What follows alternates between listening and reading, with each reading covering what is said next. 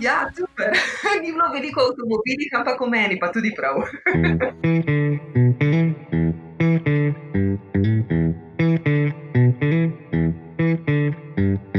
Živijo in lepo zdrav v novi epizodi Automata. Z vami sem David Urankar, na drugi strani pa TV voditeljica, moderatorka, urednica kar treh spletnih strani. Lorela Flego, živijo. Čau, David, lepo zdrav sem. Veš kaj, mi dva se zadnje čase zelo veliko srečujeva, eh, ker si pred kratkim, no, ne več toliko pred kratkim, postala del oddaje Dobro jutro. Uh, in sem rekel, nujno te moram vprašati, zdaj, ko je poletje, za en poletni avtomobilski styling. to je res super dobro vprašanje. Ja, v resnici uh, moda in avtomobili gresta od nekdaj z roko v roki, ampak jaz bom rekel takole: kabrijo pa nekaj belega na sebi. In to je to, če je možno. ja, to, to je rešitev za poletje, zelo kabrijo pa nekaj belega na sebi. Avtomobili ja. so na nek način, ne, kakorkoli si želimo biti racionalni, pa reči, uh, ok, avto je za me samo prevozno sredstvo, bom dajal za njega čim manj denarja, gor dol od točke A do točke B. Ampak na koncu pa vedno ugotovimo, da je to totalno neracionalna odločitev in da ne vem, a veš, a gre lahko Brad Pitt v novih Hugo Boss obleki v, ne vem, Dačo Dasterja. Zdaj banaliziram stvari. Glej, Brad Pitt gre lahko tudi peš za me. I got to add this to my Tinder profile. Slabo primerjavo sem dal. ne, ampak avtomobili so nekdaj statusni simboli. Res je, da rečemo, ja, vse skupaj je bolj stvar uh, praktičnosti, da nas pelje v službo, da nas pelje po svetu in tako naprej. Ampak je zelo podobno, recimo, če se zrcalim tukaj v modnem svetu, bi rekla, da imamo ženske zelo podobno težavo, recimo s torbicami, ki seveda stanejo veliko manj kot pa avto ali pa ne. Mhm. Ampak uh, takrat, ko izberemo torbico, vedno si želimo imeti na sebi nek statusni simbol, se pravi, torbica, ki je zelo prepoznavna že na daleč. In zelo podobno je tudi z avtomobilom. Ti imaš lahko recimo torbico, ki je kupljena za zelo malo denarja in jo boš imel čez dva meseca ali pa v naslednji sezoni, ali pa imaš dejansko dizajnersko torbico, ki jo boš imel za veliko manj in starejša te bo, bolj bo tudi vredna. Zdaj to seveda banaliziram ali pa je to ekstrem, ampak dejansko tudi za avtomobil. Razumem, razumem. Če si lahko privoščimo avto, ki bo stal malo več denarja, sem pripričana, da ga bomo dlje imeli. Če pa nimamo toliko denarja za avto, je pa absolutno prav, da stavimo na praktičnost in pomislimo na vse tiste stvari, ki so del našega življenjskega sloga. Torej, kaj mhm. potrebujemo, koliko avto uporabljamo in uh, kateri je tisti avto, ki bo najbolj primeren za nas. Jaz sem pripričana, da če imamo otroke, je to drugačen avto, kot pa če smo delimo samski. Veš kaj, zanimivo mi je tudi, da tebe poznamo bolj z modnega vidika. Ne? Ampak ti si dejansko tudi na tvoji spletni strani, na glitter.com, sem videl, naredila ogromno enih avtomobilskih revijev. Kar me je zelo presenetilo, po pravici povedano, ker veš, ženske vedno tudi vidim, da dam ajdi um, kakšen test na avto, pa rečem, da povej mi, kaj se ti zdi in čist druge stvari odkrijejo v njem, kot jaz. Absolutno, zato ker vi gledate zelo na številke v smislu pospeškov, v smislu, koliko benzina bo potrošil, v smislu, mogoče tudi primerjava z nekim prejšnjim modelom ali pa z drugo blagovno znamko. Mi pa gledamo, kakšna je notranjost, ali je dovolj predalčkov, ali je dovolj prostora za vse stvari, ki potrebujemo, kakšen je seveda prtjažnik, takrat, ko greš na dopust, ali pa če imaš otroka, da vemo za voziček in za vse njegove stvari. -hmm. Zelo pomembna nam je tudi barva. Spregledamo pa, da imamo, če ima avto, ne vem, vidi platišča 19 ali pa 17. no, jaz pa jih opadim, da so 15 z robom, to pa še vidim. A si vedela to, da ko je Toyota štartala svoj premijski podbrand, no, ki je v bistvu zdaj čisto samostojen brand eh, Lexus, uh, je šel eden izmed njihovih inženirjev kupiti dolge nohte oziroma si podaljšati nohte, zato da bo imel lahko občutek, kako ženske držijo volan. No, vidiš, tega nisem vedela, ampak to so take eh, stvari, ko so v resnici zelo, zelo zanimive. Meni se je neštetokrat zgodilo, da sem bila sopotnica v avtu, sem zamujala na nekem snemanju ali pa slikanju in sem uh mhm. -huh. potrebovala tisto ogledalo ogledalo za Mejka. Ja. Gledalo je absolutno premajno, naj povem, tako, tako kot je, ne glede na to, v katerem avtu se nahajaš. Ampak to so take, bom rekla, malenkosti, ki morda za ženske so zelo, zelo pomembne.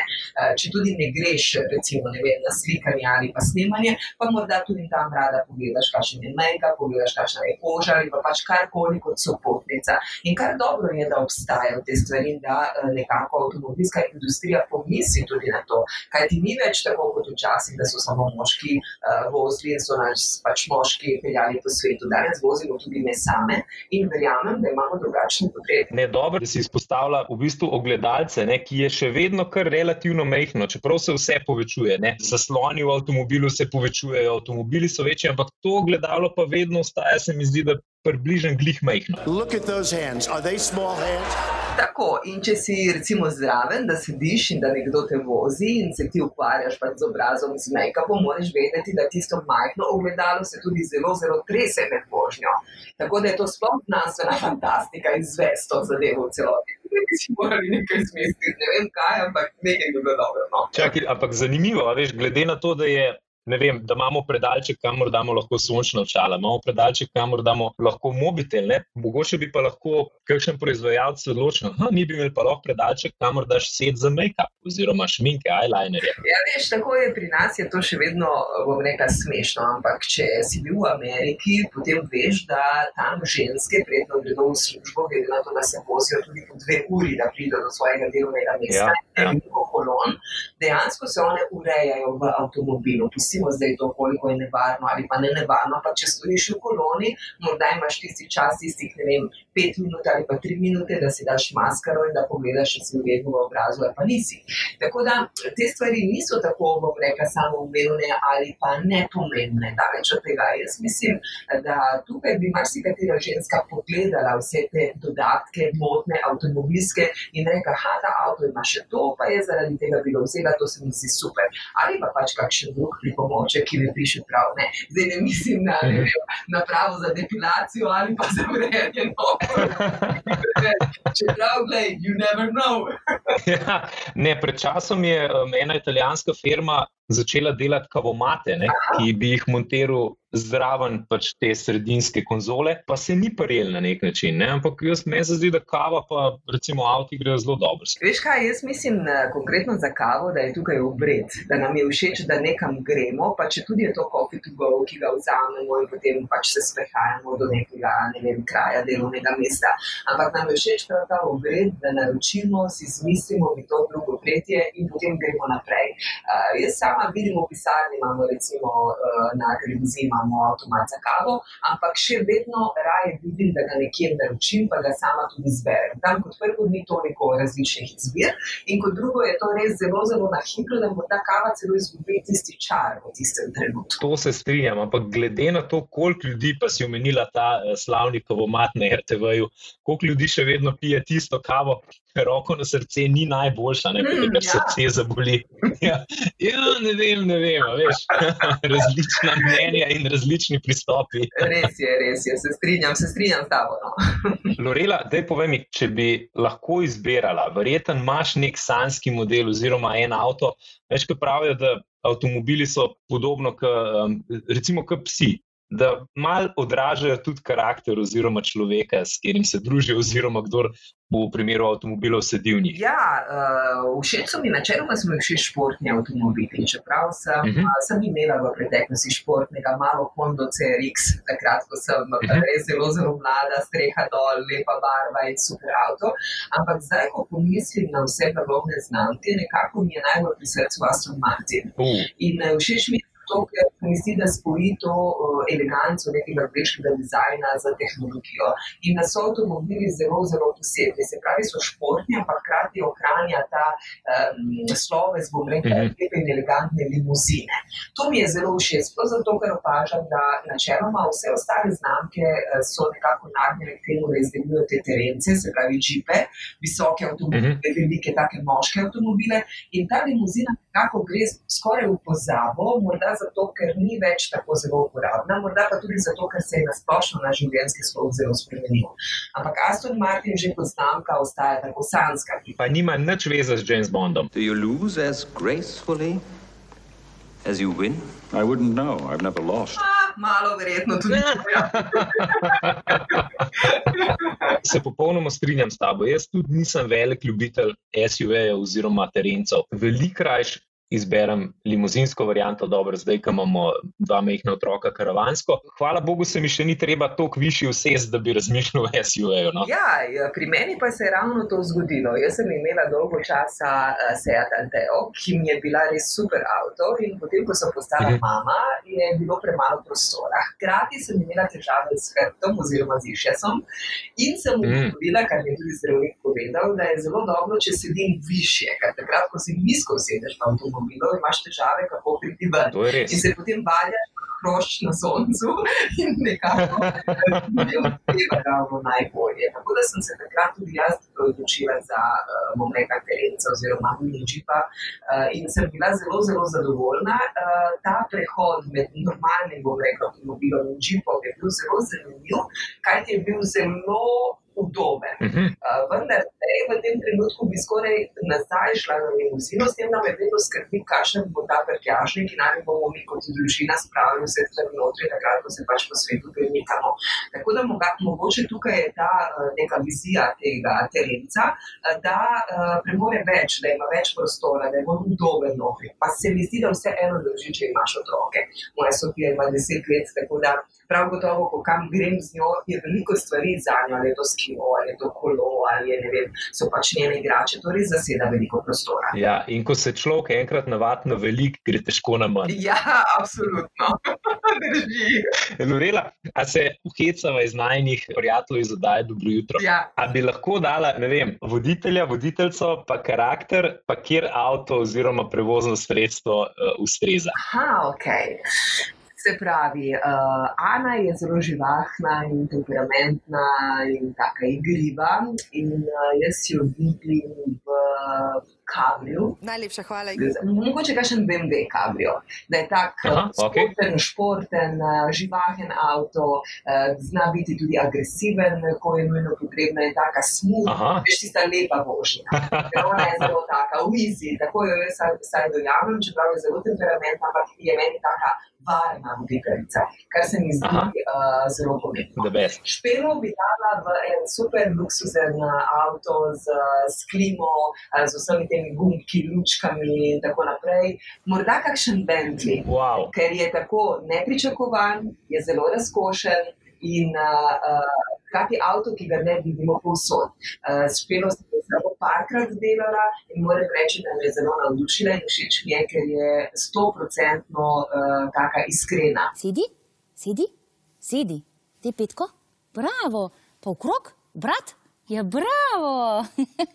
Se pravi, ta še Mhm. na ekranu je tudi v realnem življenju. Ta še kot je Bentley, ne samo ta, ampak ga moraš razumeti. Brez filtrov. Tebe bi dala, joj, zate, tebe bi dala na motor, Harley Davidson. A res? Ja, Mm, ja. Okej. Zato, ker imaš ta slog, eh, pač manekenski, bom rekla, in uh, vedno so mi fascinantni te motori, takrat, ko je na njih tudi lep človek, lep moški, lep maneken.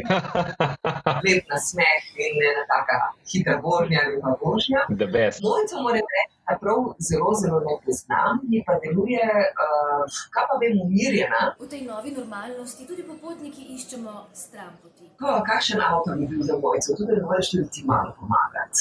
Hm, nekaj umirjenega. Jaz sem tudi o tem razmišljal, kjer avto bi mojci pasil, in glede na to, koliko ona potuje, sem razmišljal o enem old-timerju, kakšnem unem Volkswagenu T1. Ja, ali pa kakšen tak Fiat Cinquecento s logom, ki so zdaj tako Ali pa super to. moderni, a, so pa je pač tak majhen avto, ampak je tudi avto imidža in je avto, ki ga jaz osebno zelo povezujem z Italijo in vsemi potovanji. Morda zato, ker marsikdaj, ko pogledam kakšno blogerko, ki mi je pri srcu na svetovni ravni potem pride recimo iz Amerike v Toskano, seveda najame Mhm. Fiat Cinquecento v tej modri barvi, ki je prav eh, barva bazena ali pa ne vem, uh, taka posebno, posebno modra, svetlo pastelna in se potem sprehaja s tem avtomobilom po Toskani. To se mi zdi super. Tako da ja, morda za mojco kaj takega. Zdaj, ki si umela Italijo, jaz v bistvu nisem vedel, da dejansko ti pišeš ne samo za, za glitter.si oziroma si urednica, ampak da imaš tudi en angliški, pa en italijanski peč. Najprej je nastal Glitter kot spletna stran tukaj v Sloveniji. Mhm. Je bil za me, moram reči, kot portal velik izziv, eh, zato ker nisem vedela, ali pa, oziroma na začetku nisem razumela,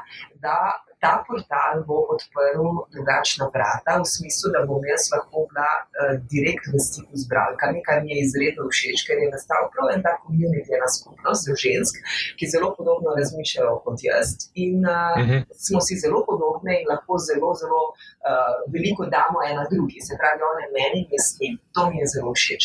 Na kar uh, je nastala želja, da bi delala tudi nekaj v angleščini, ker pač veš, kako je s tem. Angleščina je okno v svet, je jezik, da vsi razumemo, in uh, moda je prav gotovo globalna stvar, ki je prisotna v vseh državah, tako da že zaradi tega sem neka bi imela nekaj svojega. Plus uh, se je tukaj zgodilo to, da jaz lahko s tem pisanjem zelo veliko vadim. Uh, prisiljena sem pisati vsak teden in imeti svoje objave in raziskovati Mhm. trende v angleščini, besede v angleščini, kar se mi zdi super in biti tudi pozorna na napake, ki jih naredim. eh, Se pravi, na začetku je bilo res veliko lektoriranja, potem sem začela biti samostojna v tem in to mi je bilo super všeč.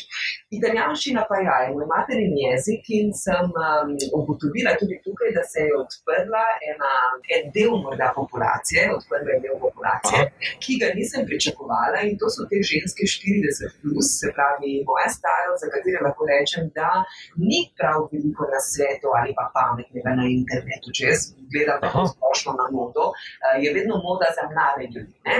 za 20 plus ali pa morda za 30 plus in potem za ženske 40, 50, 60, 70, je to kar ena luknja, ni nič pametnega.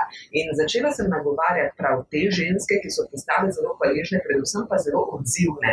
Uh, tako da Mhm. tudi na Facebooku veliko odgovarjajo, je veliko teh. Um, neka uh, interakcija med mano in njim, in to se mi zdi super, Mhm. uh, super lepo. Je pa res veliko dela, si misliš v treh jezikih, to ni nek najbolj enostavno, ampak je zabavno. Ni veliko ljudi, in to je res pohvala, ki znajo tako lepo napisati in znajo tudi tako lepo govoriti, artikulirati. Tako kot ti. A Veš, imaš, imaš ljudi, ki so pisatelji, pa imaš ljudi, ki so ne vem, TV voditelji oziroma eh, prezenterji. Ja, ne, mislim, da moraš biti tako, ker osredotočen vase, oziroma uh, nekako Mhm. um, pospraviti misli.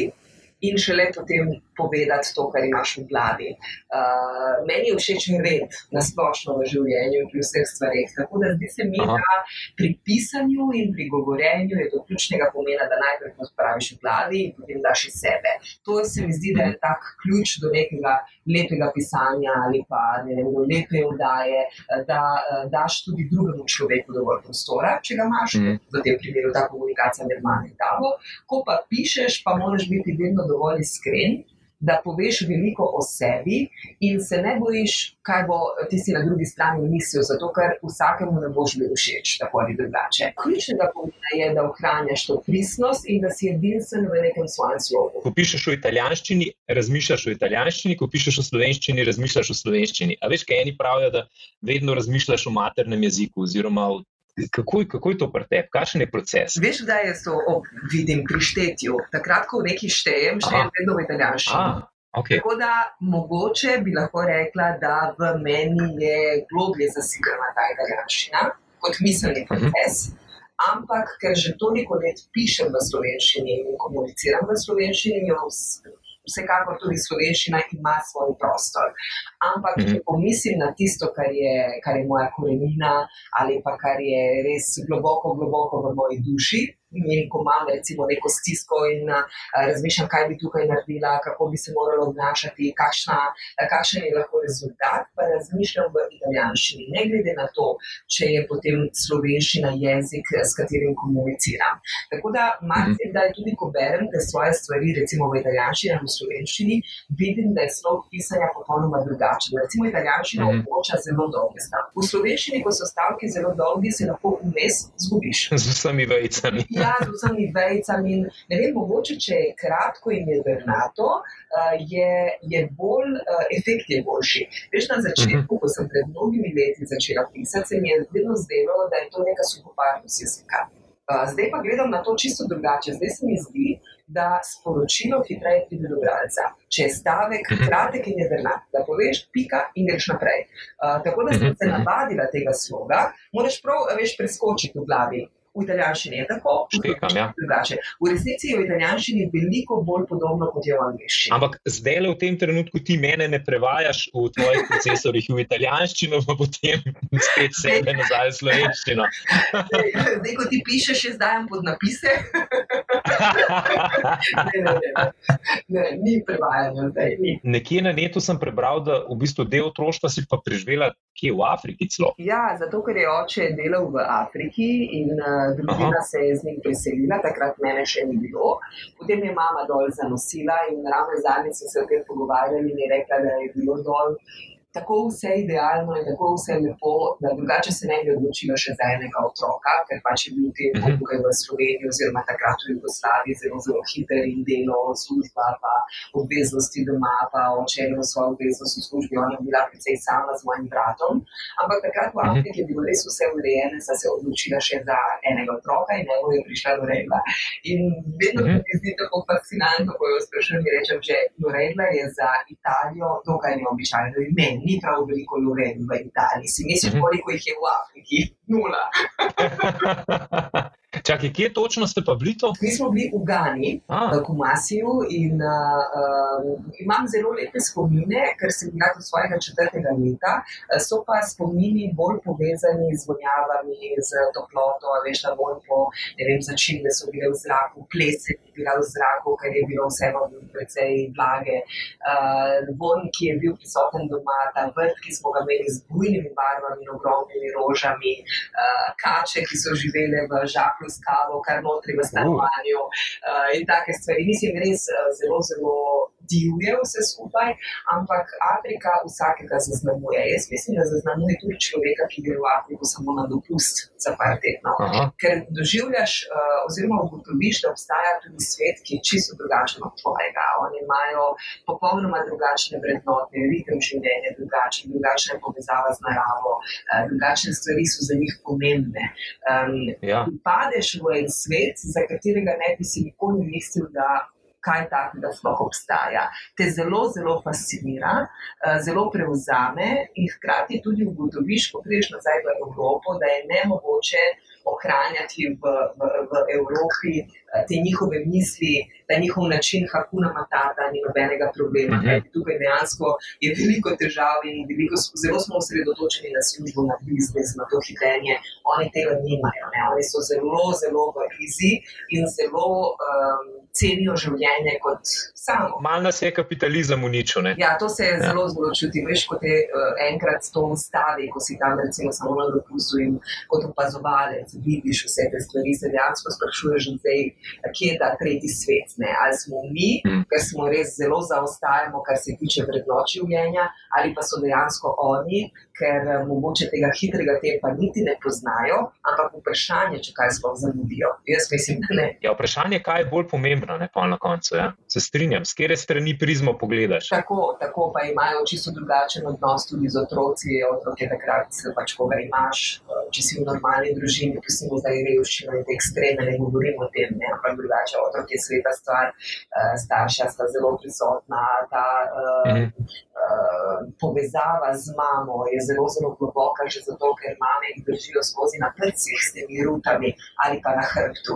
In je otrok Mhm. cel dan z mamo, je ta stik že s kožo in srcem, z bitjem srca, ki je čisto drugačen, mi tega nimamo. Mm. Tako da, ja, to so take stvari, no, o tem bi se lahko res dolgo, dolgo pogovarjala. A pa si šla kdaj potem, kasneje nazaj? Imam željo, bila sem na Zanzibarju, ki je Afrika, ampak hkrati ni Afrika, v smislu, da je, no, takrat, ko sem bila jaz na Zanzibarju, ni bil še tako turističen kot je danes, bil je še vedno zelo, zelo divji in vsekakor sem lahko ujela te občutke, ki sem jih imela kot eh, mala punčka uh, in se marsikaj lahko priklicala v spomin.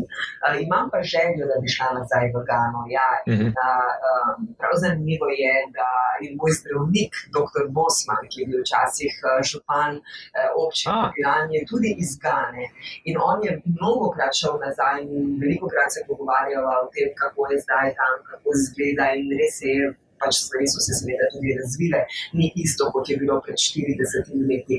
Imam to željo, um, vedno me malo tako oče strši v smislu, da ga skrbi, da bi se ta mit Afrike v meni potem, da bi se nekako razvili oziroma da. Aha. Da, veš, da bi ugotovila, da stvari Razumem, ja, razumem. Ampak jaz sem čisto brez pričakovanj. Jaz bi rada šla samo nazaj, v smislu, da bi doživela tiste stvari, da bi videla ta kraj, kjer sem bila, kjer sem živela in sem imela res eh, veliko, veliko lepih trenutkov, lepih in tudi strašljivih.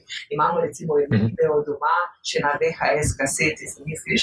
Uh, ko smo bili na tržnici, vsi skupaj kot familia, in naenkrat vidimo en človek, um, ki je imel na sebi kot eno tako belo tuniko, vso krvavo. In Mamo vprašala, ti kaj pa je ta, zakaj je bil tako vsumazan, pa to. In ona pa mi je rekla, da no, ta človek je pa glave sekal. Kaj? Mislim, to so, veš, bilo tako zelo, zelo ekstremno. Nas so tudi mačko pojedli, ljudožerci so čakali, da jo dobro nafutramo, potem je kar zginila ta mačka iz vrta. Uh, tako da ja, ekstremne stvari in uh, potem je bil zelo prisoten recimo ta svet magije in voduja. Uh, oni so imeli Mhm. ogromno na tej tržnici, so predajali vse te stvari za vodu, zdaj pač eni verjamejo, drugi ne, ampak to je stvar, ki je globoko v njih, veš, oni poplešajo, tako oni padejo prav v trans od tega, ker se v bistvu ritem srca ujame z ritmom bobnov. To je ena taka zelo zanimiva filozofija, ki je tudi zelo, zelo uh, stara, starodavna. Tako da ja, no, veliko, veliko takega je v meni. Ja. Wow.